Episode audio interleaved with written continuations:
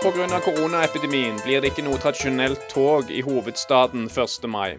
Men LO i Oslo har likevel sørget for å holde ved like en av sine faste tradisjoner og demonisere verdens eneste jødiske stat. Anerkjenn Palestina, boikott Israel er en av de offisielle parolene som deltakerne skal samle seg under digitalt. Norske muslimer får bekreftet fra det norske storsamfunnet hva altfor mange av dem er blitt oppflasket på. Israel er ondskapens stat.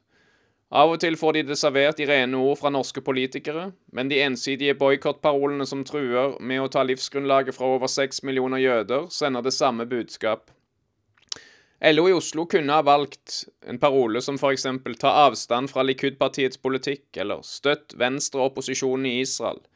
Men nei, de valgte boikott Israel. Boikott det fremste uttrykket for det jødiske folket, verdens eneste stat hvor jødenes oldtidsgamle språk er hovedspråk, verdens eneste stat som ligger hvor jødenes religiøse lengsel har vært sentrert i 4000 år. Boikott nesten halvparten av verdens jødiske befolkning. Budskapet blir også oppfattet blant norske jøder. De krymper seg i frykt og fortvilelse. De vet at skolebarna deres kommer til å lide, selvfølgelig fullstendig urettmessig, for fiendskapet som blir pumpet opp mot Israel. Det er som salt i såret at en rekke politiske ledere på venstresiden deltar i samme tog, enten det er digitalt eller fysisk.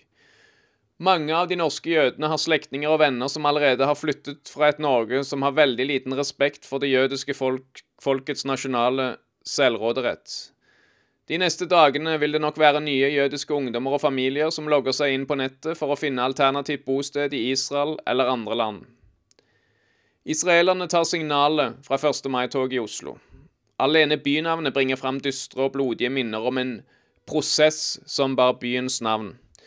De eldste husker tidligere tider da de ble boikottet i Europa og Oslo. Jødene i Israel forstår at det er dem boikotten retter seg mot, ikke den arabiske minoriteten. Israelerne har sett slike prosesser tidligere.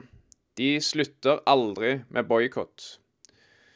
Palestinerne nyter parolene til LO.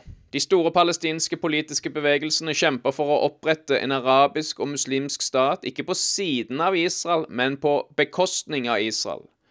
Parolene fra Oslo oppmuntrer både nasjonalister og islamister i sin diplomatiske og militære krigføring.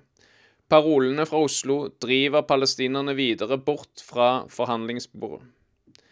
Arabisk boikott av sionistiske institusjoner og jødiske forretninger begynte allerede før Israel ble opprettet som en moderne stat, allerede fra 1922.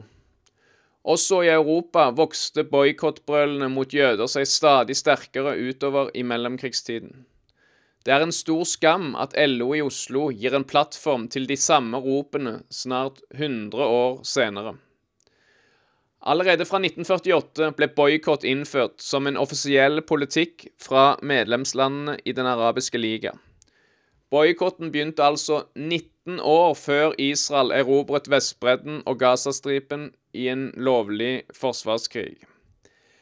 Palestinerne kunne fått sin egen stat for lenge siden dersom det palestinske lederskapet hadde akseptert å dele området mellom Middelhavet og Jordanelven med en jødisk stat. Palestinerne kjemper for en arabisk stat nummer 23 og en muslimsk stat nummer 58. Men de har avvist en jødisk stat på 1920-tallet, i 1937, i 1947, i 2001, i 2014 og nå i 2020. Hvis ikke palestinerne aksepterer å leve side om side med en jødisk stat, vil konflikten fortsette. Mange palestinere dyrker fortsatt drømmen om å få bort den eneste staten i verden som alltid gir en nødhavn for jøder på flukt fra antisemittisme. 1. mai-toget i Oslo gir dem bare vann på mølla. LO burde ta lærdom fra Tyskland. Rikskansler Angela Merkels parti har erklært alle former for Israel-boikott antisemittisk. Også tysk sikkerhetstjeneste i Berlin plasserer Israel-boikott under antisemittisme. USAs spesialutsending sier all organisert Israel-boikott er jødehat.